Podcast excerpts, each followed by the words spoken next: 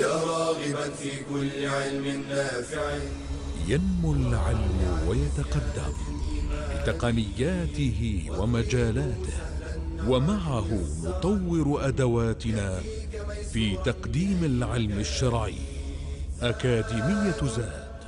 زاد أكاديمية ينبوعها. صاف صاف ليروي غلة الظمآن. والسيرة العلياء عطرة الشدى. طيب يفوح لأهل كل زمان. بشرى لنا زاد أكاديمية للعلم كالأزهار في البستان.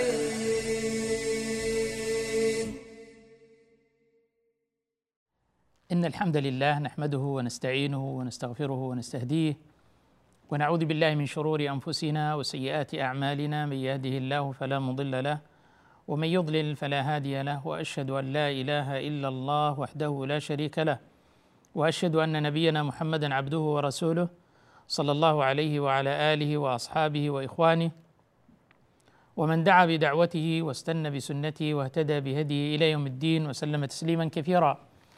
أما بعد أيها الإخوة والأخوات طلاب وطالبات العلم في برنامج أكاديمية زاد في هذه الدورة الثانية وهذا المستوى الرابع من دراسة السيرة النبوية على صاحبها أفضل الصلاة وأتم التسليم الذي نتدارس فيه شيء من أحوال النبي عليه الصلاة والسلام حال غضبه ورضاه وحال حزنه وفرحه والأحوال المتغيرة التي يكون عليها الصلاة والسلام. كنا في اللقاء الماضي تحدثنا عن شيء من مما كان يضحك منه النبي صلى الله عليه وسلم أو الشخصيات التي كان يتبسط النبي صلى الله عليه وسلم معهم. ومن ذلك ممازحته وضحكه مع أهل بيته وأبنائه وأحفاده وكذلك زوجاته. وأيضا ممازحته للصحابة رضي الله عنهم وضحكه من بعض ما كان يسمع منهم عليه الصلاة والسلام مما كان كانوا يتذاكرون فيه من أمر الجاهلية وأخبارها السابقة مما كان يصدر منهم فكان يتبسم صلى الله عليه وسلم وكان هذا غالب غالب ضحكه عليه الصلاة والسلام.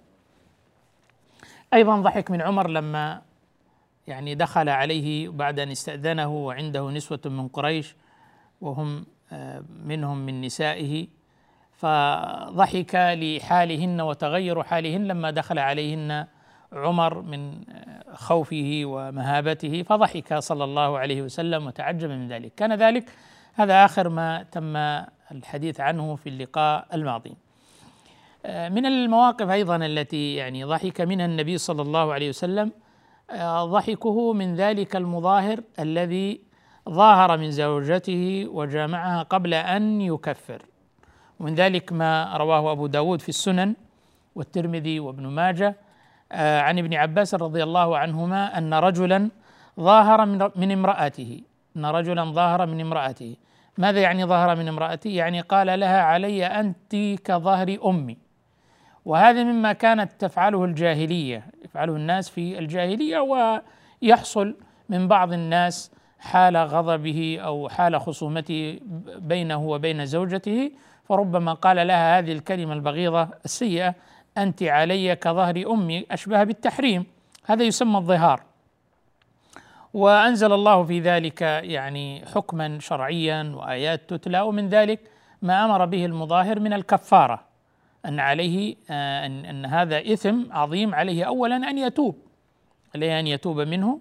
ثم بعد ذلك يكفر عن هذا العمل وهو أن يعتق رقبة من قبل أن يتماسى أي قبل أن يعاود أهله يجب أن يعتق رقبة. فإن لم يستطع فصيام شهرين متتابعين من قبل أن يتماسى. فمن لم يستطع فإطعام ستين مسكينا وذلك أيضا من قبل أن يتماسى. إذا كفارة الظهار هو التوبة إلى الله عز وجل والإنابة والإستغفار والندم. وأيضا عليه أيضا الكفارة وهي على هذا الترتيب. على هذا الترتيب. عتق رقبة فإن لم يستطع فصيام شهرين متتابعين فإن لم يستطع فإطعام ستين مسكينا من قبل أن يتماسى يعني هذه الكفارة تكون قبل أن يعاود أهله. والتعبير القرآني تعبير راقي جدا وفيه يعني ذوق وأدب وعلو ورفيع في التعبيرات عن ذكر ما يستحيا منه فيعبر عنها بألفاظ حسنة جميلة. ولو الإنسان تتبع القرآن لو وتتبع أيضا السنة النبوية لوجد أن النبي صلى الله عليه وسلم يتمثل القرآن في تعبيراته عما يستحيا منه. وكذلك القرآن فإنه يعبر عن الشيء الذي يستحي منه تعبيرا راقيا رفيعا مهذبا. من قبل أن يتماس. فعن ابن عباس رضي الله عنهما أن رجلا ظاهر من امرأته قال لها أنت أنت علي كظهر أمي. فغشيها قبل أن يكفر. يعني عاود أهله قبل أن يكفر. فأتى النبي صلى الله عليه وآله وسلم فذكر ذلك له. يعني الرجل بعد أن وقع في هذا الأمر وهو يعرف أن هذا خطأ كبير وإثم لكنه أراد أن يستفتي النبي صلى الله عليه وسلم وهذا شأن المؤمنين وشأن العقلاء فاسألوا أهل الذكر إن كنتم لا تعلمون. فقال له النبي صلى الله عليه وسلم ما حملك على ذلك؟ ما حملك على ذلك؟ ما الذي دفعك أن تصنع ذلك؟ وهذا المبدأ التربوي العظيم من هذا النبي الكريم صلى الله عليه وآله وسلم هو في أغلب حاله وأحواله أنه دائما ما يسأل هذا السؤال ما حملك على ما فعلت؟ ما حملك على ما صنعت؟ وهذا ما يسميه علماء النفس يعني فهم الدوافع دوافع السلوك. ما الذي يحمل الإنسان على أن يفعل مثل هذا الفعل؟ وفائدة هذا أن معرفة الأسباب تساعد في العلاج لأنه أحيانا قد تكون العلاجات كثيرة ومتنوعة. لكن حين يضع الإنسان يده على السبب الرئيس على الدافع الحقيقي فإنه هذا يوفر عليه الوقت ويوفر عليه الجهد وأيضا يضع الدواء والعلاج الناجع لهذا الإشكال ولهذا السلوك ولهذا الخطأ. قد يكون الدافع الجهل قد يكون الدافع التعمد الشهوة قد يكون الدافع ايا كان هذا الدافع ايا كانت هذه المبررات فإن فهمها يساعد في العلاج ويساعد في التصحيح وبناء التصورات الصحيحة وأيضا تثبيت المعاني الإيمانية الرفيعة التي تحمل الإنسان على السلوك الحسن. ما حملك على ذلك؟ قال يا رسول الله رأيت بياض ساقها في ضوء القمر فلم أملك نفسي أن وقعت عليها. يعني يقول هو رأى امرأته في ضوء القمر في الليل ورآها ربما كانت مشغولة ببعض شأنها فرأى بياض ساقها فما تمالك نفسه فوقع عليها قبل أن أن يكفر. فضحك الرسول صلى الله عليه وسلم. إذا هذا الشاهد من هذا الموطن. ضحك النبي صلى الله عليه وسلم من هذا الموقف ومن هذا المبرر الذي برر به الرجل وأمره ألا يقربها حتى يكفر. أخرجه أبو داود والترمذي وابن ماجه وحسنه الألباني. يعني ما زاد على ذلك أمره النبي صلى الله عليه وسلم ألا يقرب أهله حتى يكفر عن هذه آه، عن هذا الظهار بكفارته المعروفة. فكان هذا موطن من المواطن التي ضحك فيها النبي صلى الله عليه وسلم. هناك فائدة يعني يحسن الإشارة إليها وهي حقيقة وطبيعه النفس البشرية وميلها إلى آه، الجنس الآخر وهذا في حتى في حال المباح يعني أن الإنسان لا يملك نفسه وكما قال الله عز وجل وخلق الإنسان ضعيفا. إذا لم يكن لديه القدرة على آه، ضبط نفسه وضبط آه، رغباته فإنه قد يقع في كثير مما يبغضه الله سبحانه وتعالى ويعني يكون في دائرة الذنب والإثم. ولذلك لما قالت عائشة أن النبي صلى الله عليه وسلم كان يقبل في نهار رمضان وهو صائم قالت وكان أملككم لإربه. يعني عنده قدرة على ضبط نفسه وضبط رغباته وضبط شهوته. ليس مثله كمثل آه، بعض الناس أو غيرهم وخصوصا إذا كان شابا أو حديث عهد بزواج أو كان يعني ضعيف الإيمان وسريع السقوط فإن هذا يجعل الإنسان أن يكون محتاطا لنفسه تماما. بعيدا عن حدود ما حرم الله عز وجل مراعيا لنفسه يعرف ما هي المداخل التي يمكن أن تكون تعبر عن نقاط ضعف عنده ينبغي عليه أن يعالجها ويسد هذا الباب الذي قد يودي به إلى أن يقع في الحرام.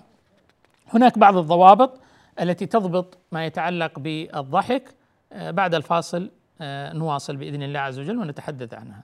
بشرى أكاديمية للعلم كالأزهار في البستان.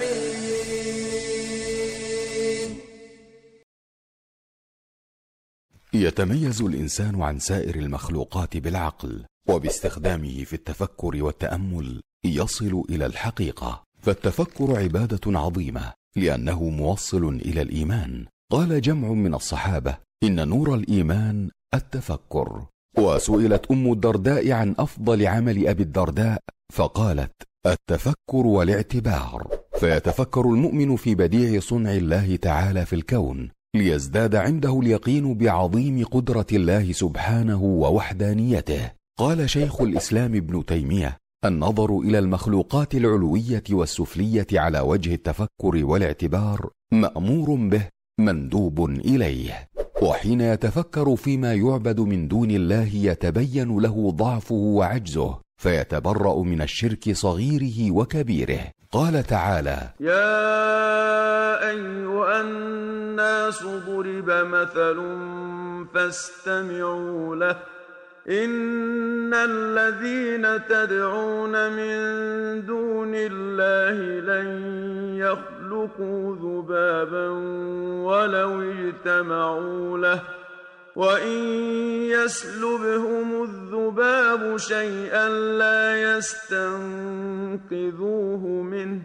ضعف الطالب والمطلوب. ويتفكر في القرآن الكريم ليفهمه ويعمل به. قال تعالى وأنزلنا إليك الذكر لتبين للناس ما نزل إليهم ولعلهم يتفكرون. ويندب للمسلم أن يتفكر فيما يفيده وينفعه في دنياه وآخرته فيقدم عليه ويفعله وفيما يضره في دنياه وآخرته فيجتنبه ويحذر منه. وفي الحديث احرص على ما ينفعك واستعن بالله ولا تعجز وأن يتفكر في شأن الدنيا والآخرة فيعلم أن متاع الدنيا قليل زائل وأن الآخرة خير وأبقى. قال النبي صلى الله عليه وسلم والله ما الدنيا في الآخرة إلا مثل ما يجعل أحدكم إصبعه في اليم أي في البحر فلينظر بم ترجع. بشرى لنا زاد أكاديمية للعلم كالأزهار في البستان. الحمد لله والصلاة والسلام على رسول الله وعلى آله وصحبه من والاه. أما بعد آه، فلا زلنا نتحدث عن شيء من أحوال النبي صلى الله عليه وسلم ومن ذلك ما يتعلق بضحكه عليه الصلاة والسلام. ذكرنا أن الضحك كان منه آه، تبسما عليه الصلاة والسلام وكان م- توسط حاله إذا رأى شيئا مم- مما يضحك بشدة فإنه كان يتبسم حتى تبدو نواجذه عليه الصلاة والسلام أي أضراسه. يضحك من بعض المواقف يضحك مما يضحك منه الناس يشارك أصحابه يضاحك أهله وأولاده وزوجته وأصحابه. ومن ذلك أنه تحصل بعض المواقف التي يضحك منها ومن ذلك لما يعني أوحى الله إليه ما يتعلق بمجادلة العبد لربه يوم القيامة حول السيئات التي أخفاها الله عنه فيقول يا ربي إن لي ذنوبا كذا وكذا يريد أن يستذكرها بعد أن كان خائفا منها يريد أن يبدلها الله له حسنات فضحك النبي صلى الله عليه وسلم وضحك الصحابة وكل من روى هذا الحديث فإنه يضحك. من ال- الضوابط المهمة التي تتعلق بموضوع آه، الضحك ما وجه إلى النبي صلى الله عليه وسلم أنه قال: ولا تكثر الضحك فإن كثرة الضحك تميت القلب. كثرة الضحك تميت القلب. الأصل في الإنسان الجدية الأصل في الإنسان الجدية لا يعني أنه لا يمزح أنه لا يبتسم لا يضحك لا يلعب لا يلهو كل ذلك مباح ولكنه بقدر وللحاجة وما يحقق المقصد الأصلي من أن يعيش الإنسان حياة جادة فاعلة آه، مفيدة قيمة آه، هدفية وليست عبثية. لا تكثر الضحك فإن كثرة هذا الضحك تميت القلب. من ذلك أنها تشغل هذا القلب عن ذكر الله فتحدث هذه الغفلة التي هي خطر عظيم على هذا القلب. يصبح ويمسي لاهيا ضاحكا بعيدا عما أراد الله سبحانه وتعالى. وكذلك يشغله عن الأمور الجادة الأمور الجادة. فتجد غالبية الناس المنشغلين بالمضحكات والطرائف والنكات وغيرها ومتابعة المقاطع الفكاهية ويتنقل من مقطع إلى مقطع ومن فقرة إلى فقرة ويبحث عن هذه النكت والطرائف والمفاكهات الاكثار منها مؤشر على ضعف جدية هذا الإنسان. ويغلب على هذا الإنسان أن ليس لديه تلك الأهداف الجادة ولا المشاريع الجادة ولا الأعمال التي يفيد بها نفسه في أمر دينه وأمر دنياه. هذا فضلا عن المشتغلين بإضحاك الناس يعني هو دوره أن يقوم بإضحاك الآخرين وتلهيتهم فهذا أشد وأشد. أيضا كثرة الضحك قد تورد الأحقاد والضغائن بسبب ما يحصل من الإيذاء النفسي أو القولي أو الفعلي تجاه الشخص الذي يضحك عليه. كما يقولون تبدأ بالمزاح وتبدأ بالنكات وتبدأ بالضحك ثم فجأة ترتفع الأصوات ويختصمون وربما وصل إلى الاشتباك بالأيدي فتحصل آه، تلك الضغائن وتلك الأحقاد. فهذه تمرض القلب وتميت القلب أيضا وتؤدي للخصومة التي هي تحرق آه، الحسنات وتحرق آه، العلاقات وتفسد ما بين الناس من ود. فهذا مما كان ينبه عليه النبي صلى الله عليه وسلم أن الإنسان لا يكون مكثرا من هذا الضحك بل عليه أن يكون في غالب حياته جادا عاملا. وحتى لو جاء منه ما يضحك أو سلى نفسه شيئا ما بما أباح الله عز وجل وتبسط مع أهله وإخوانه وأحبابه وأصحابه والجيران.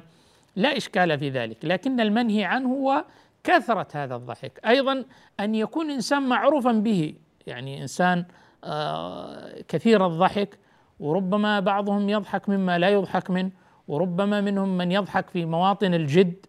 وهذا من قلة الأدب وسوء الأدب آه، أن يضحك في موطن يكون فيه جد واهتمام. وكما قيل أن الضحك من غير سبب هو من قلة الأدب. من الخطورة بمكان أيضا أن يكون هذا الضحك بشيء فيه استهزاء بعباد الله وأولياء الله المتقين فإن عاقبة ذلك وخيمة وإن بدأ أن الإنسان يضحك ويهزأ ويسخر لكن العاقبة ستكون وخيمة. وقد يكون جزاء هذا الضحك في الدنيا حسرة وندامة تعقبها ويوم القيامة أيضا خسارة ووبال عليه. حكى الله سبحانه وتعالى في كتابه الكريم عن أولئك الذين كانوا يسخرون بعباد الله وهم يصطلون في النار عياذا بالله يقولون قالوا ربنا غلبت علينا شقوتنا وكنا قوما ضالين. ربنا أخرجنا منها فإن عدنا فإنا ظالمون. فيجيهم الجواب قال اخسأوا فيها ولا تكلمون. إنه كان فريق من عبادي يقولون أي في الدنيا ربنا آمنا فاغفر لنا وارحمنا وأنت خير الراحمين. فاتخذتموهم سخريا حتى أنسوكم ذكري.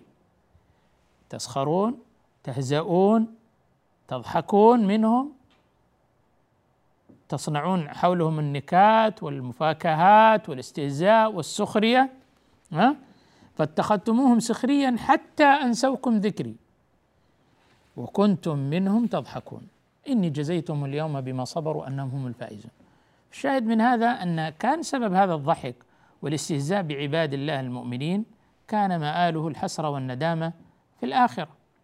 وينتبه الإنسان أن يكون هذا الضحك والسخرية مبنية أو الاستهزاء والمفاكهات على شيء من أمر الله أو كتابه أو شريعته أو سنة نبيه صلى الله عليه وسلم أو الصحابة رضي الله عنهم قل أب الله وآياته ورسوله كنتم تستهزئون لا تعتذروا قد كفرتم بعد إيمانكم. فينبغي للإنسان أن يكون على حذر ويعرف ما هو الشيء الذي ممكن يكون مجال للضحك والمفاكهة وما لا يصلح ولا يمكن أن يكون مجالا لهذه المفاكهات والمضاحكات. آه هذه من الضوابط التي ينبغي أن الإنسان يعني يهتم بها ويعتني بها في موضوع الضحك. ولو رأينا أن الشريعة الإسلامية المباركة ما تركت شيئا في مجال من مجالات الحياة في حياة الإنسان النفسية والاجتماعية والأخلاقية والسلوكية والتربوية والعقائدية والتعبدية. وفي تعاملاته وآدابه ليس ثم باب من الأبواب ولا مجال من المجالات إلا كانت الشريعة المباركة الخيرة يعني منهاجا وطريقا وسبيلا وهاديا منيرا للإنسان في كل شؤونه. وهي ولله الحمد المنة مما نحمد الله عز وجل عليه أن أكرمنا بهذا الدين الذي أكمله الله عز وجل وأتمه لنا. اليوم أكملت لكم دينكم وأتممت عليكم نعمتي ورضيت لكم الإسلام دينا. هذا مما يفرح به ويستبشر به ويفتخر الإنسان به. فنظمت حياة الناس فكانت وسطا بين لا إفراط ولا تفريط لا غلو ولا تضييع وتمييع وإنما هو الدين الوسط الدين العدل الذي يتوافق مع الفطرة الذي يتوافق مع آه، ما يريده الله سبحانه وتعالى حتى في حال المشاعر الأفراح والأحزان والضحك والرضا والغضب والمشاعر النفسية المختلفة والمتباينة آه، أقر بعضها الشرع وهذب بعضها ومنع بعضها مثلا كالجزع والتسخط منعه وحرمه. قد يحزن الإنسان وجه هذا الحزن كيف يتعامل معه؟ ربما يحزن القلب وتدمع العين لكن على الإنسان أن يضبط كلماته فلا يقول إلا خيرا ولا يتسخط ولا يجزع ولا أيضا يشق ثيابه وشعره ينفله وربما أفاض على رأسه التراب ساخطا على حاله. فإن هذا مما جاءت الشريعة برده فنرى ولله الحمد المنة أن هذا الدين الذي أكرمنا الله به ما ترك مجالا في هذه الحياة إلا وأرشدنا إلى أمثل طريق وأحسنه. فاصل ونواصل بإذن الله تعالى. بشرى لنا أكاديمية للعلم كالأزهار في البستان.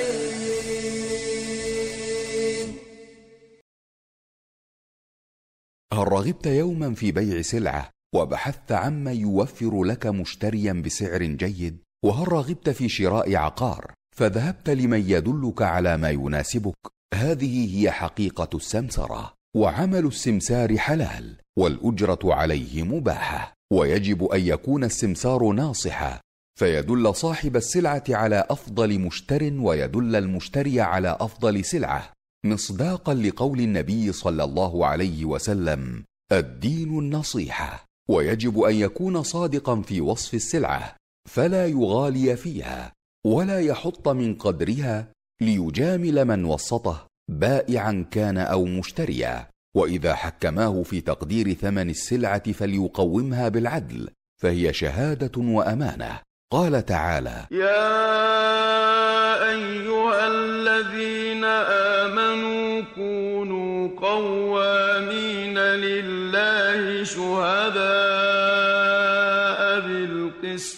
وإذا عمل السمسار لأحد المتعاقدين لم يجز له أن يتواطأ مع الطرف الآخر على زيادة السعر أو إنقاصه فهذا غش وخيانة لا سيما إذا تولى السمسار العقد لأنه وكيل مؤتمن ويأخذ السمسار أجرته من البائع أو المشتري أو منهما بحسب الشرط أو العرف فإذا لم يكن شرط ولا عرف فالأجرة على من وسطه منهما ويجب أن تكون الأجرة معلومة بأن تكون مبلغا مقطوعا كعشرة أو نسبة مئوية من ثمن السلعة كاثنين بالمئة مثلا أو يقول له بعه بمئة وما زاد فهو لك. قال ابن عباس لا بأس أن يقول بع هذا الثوب فما زاد على كذا وكذا فهو لك. وقال ابن سيرين إذا قال بعه بكذا فما كان من ربح فهو لك أو بيني وبينك فلا بأس به. وهذا من الشروط الجائزة فيجب الوفاء بها. قال النبي صلى الله عليه وسلم المسلمون على شروطهم إلا شرطا حرم حلالا أو أحل حراما. بشرى لنا زاد أكاديمية للعلم كالأزهار في البستان. الحمد لله والصلاة والسلام على رسول الله وعلى آله وصحبه من والاه. أما بعد آه، فمن الأحوال التي كان عليها النبي صلى الله عليه وسلم ما يتعلق بمزاحه صلى الله عليه وسلم.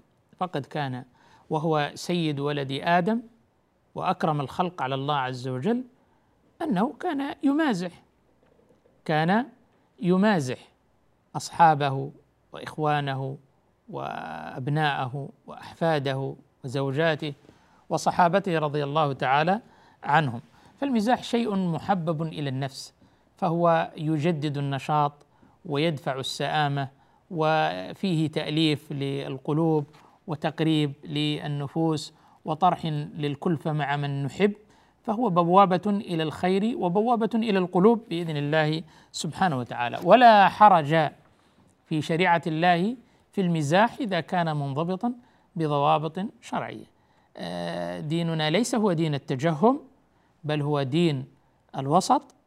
آه، لا يمنع من الضحك لا يمنع من المزاح لا يمنع من شيء مما أباح الله عز وجل من الزينة وغيرها ولكن كل ذلك في حد الاعتدال والتوسط والضابط الذي لا يفضي به إلى المحرم سواء كان محرما بذاته أو حرما لشيء متعلق به وما لم يكن فيه إضرار بالآخرين. من المواقف التي مازح فيها النبي صلى الله عليه وآله وسلم أصحابه أن رجلا أتى النبي صلى الله عليه وآله وسلم فقال يا رسول الله. يعني يستحمله احملني يا رسول الله.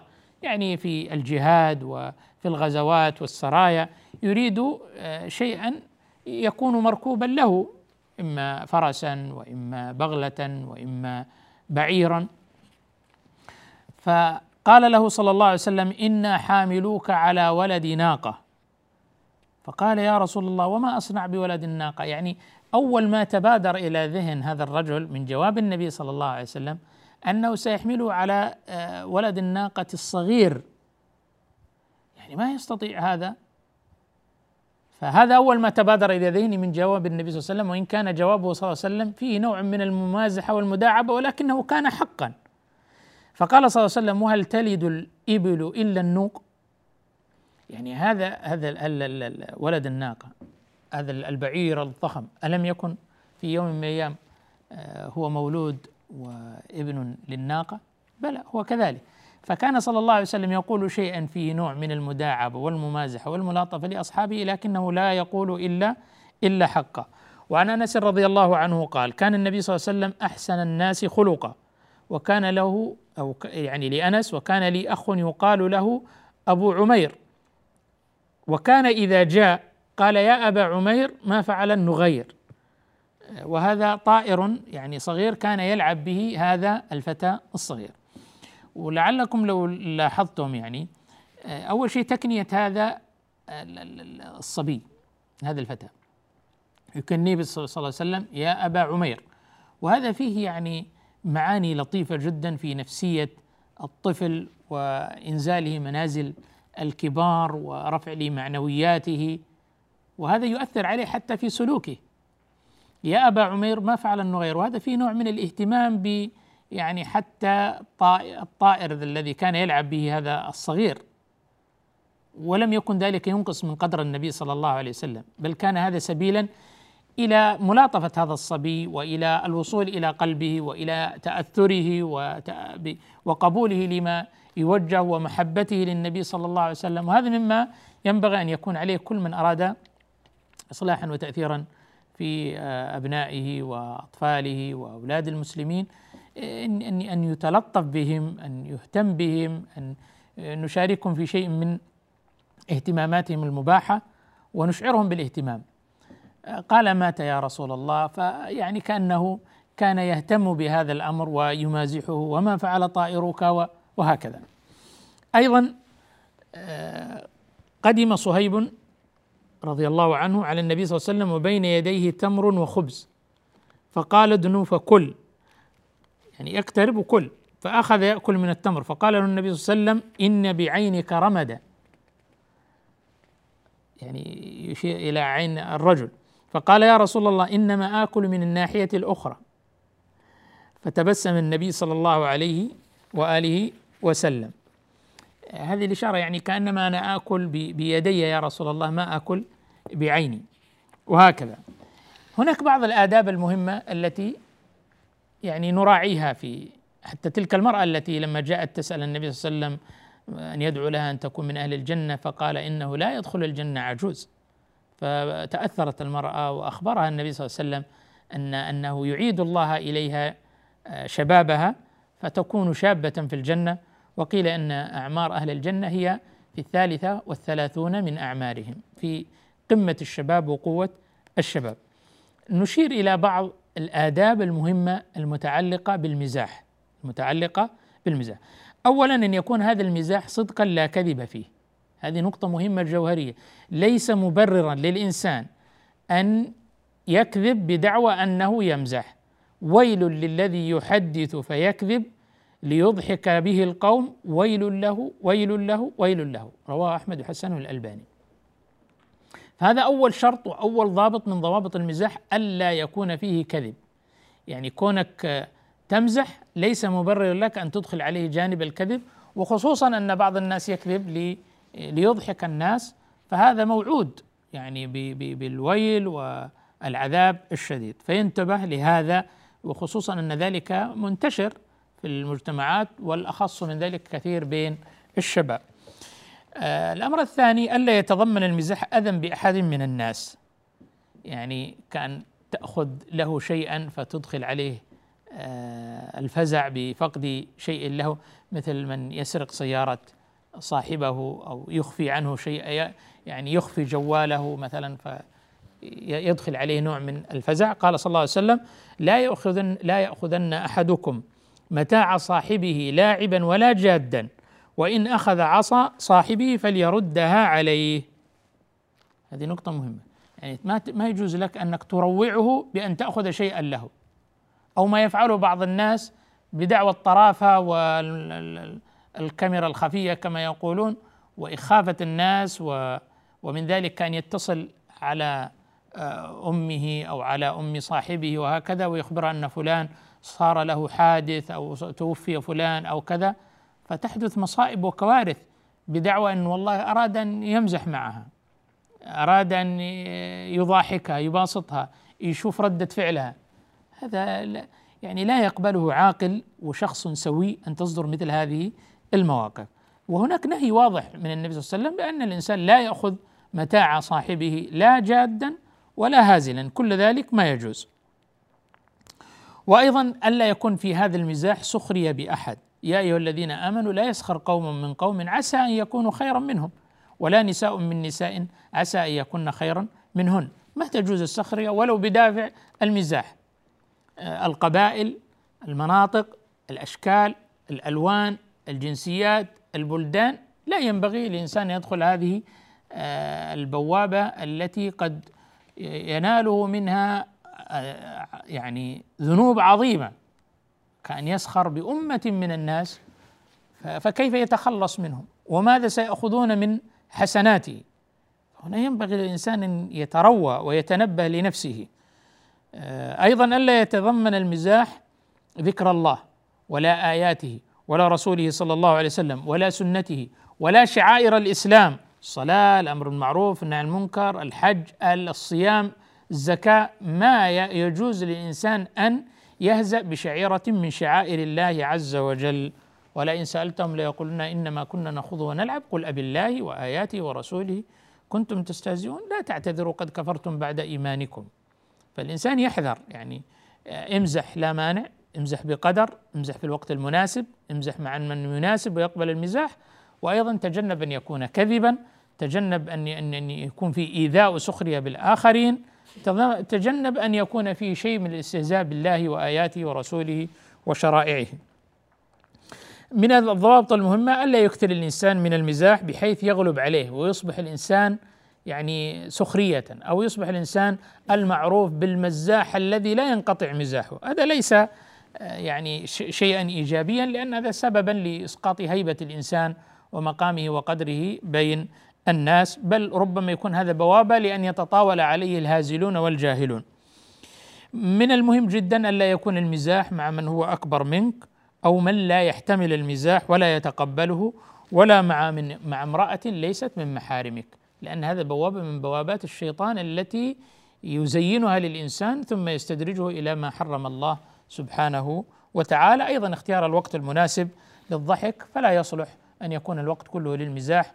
لأن الغالب أن يكون الوقت للجد والحياة الفاعل العامل ولا يمنع أن يكون هناك شيء من المزاح والتسلية بما هو في دائرة المباح ليجدد الإنسان نشاطه ويدخل السرور على نفسه وعلى الآخرين. نسأل الله سبحانه وتعالى أن يرزقنا العلم النافع والعمل الصالح. صلى الله وسلم وبارك على نبينا محمد وآله وصحبه أجمعين.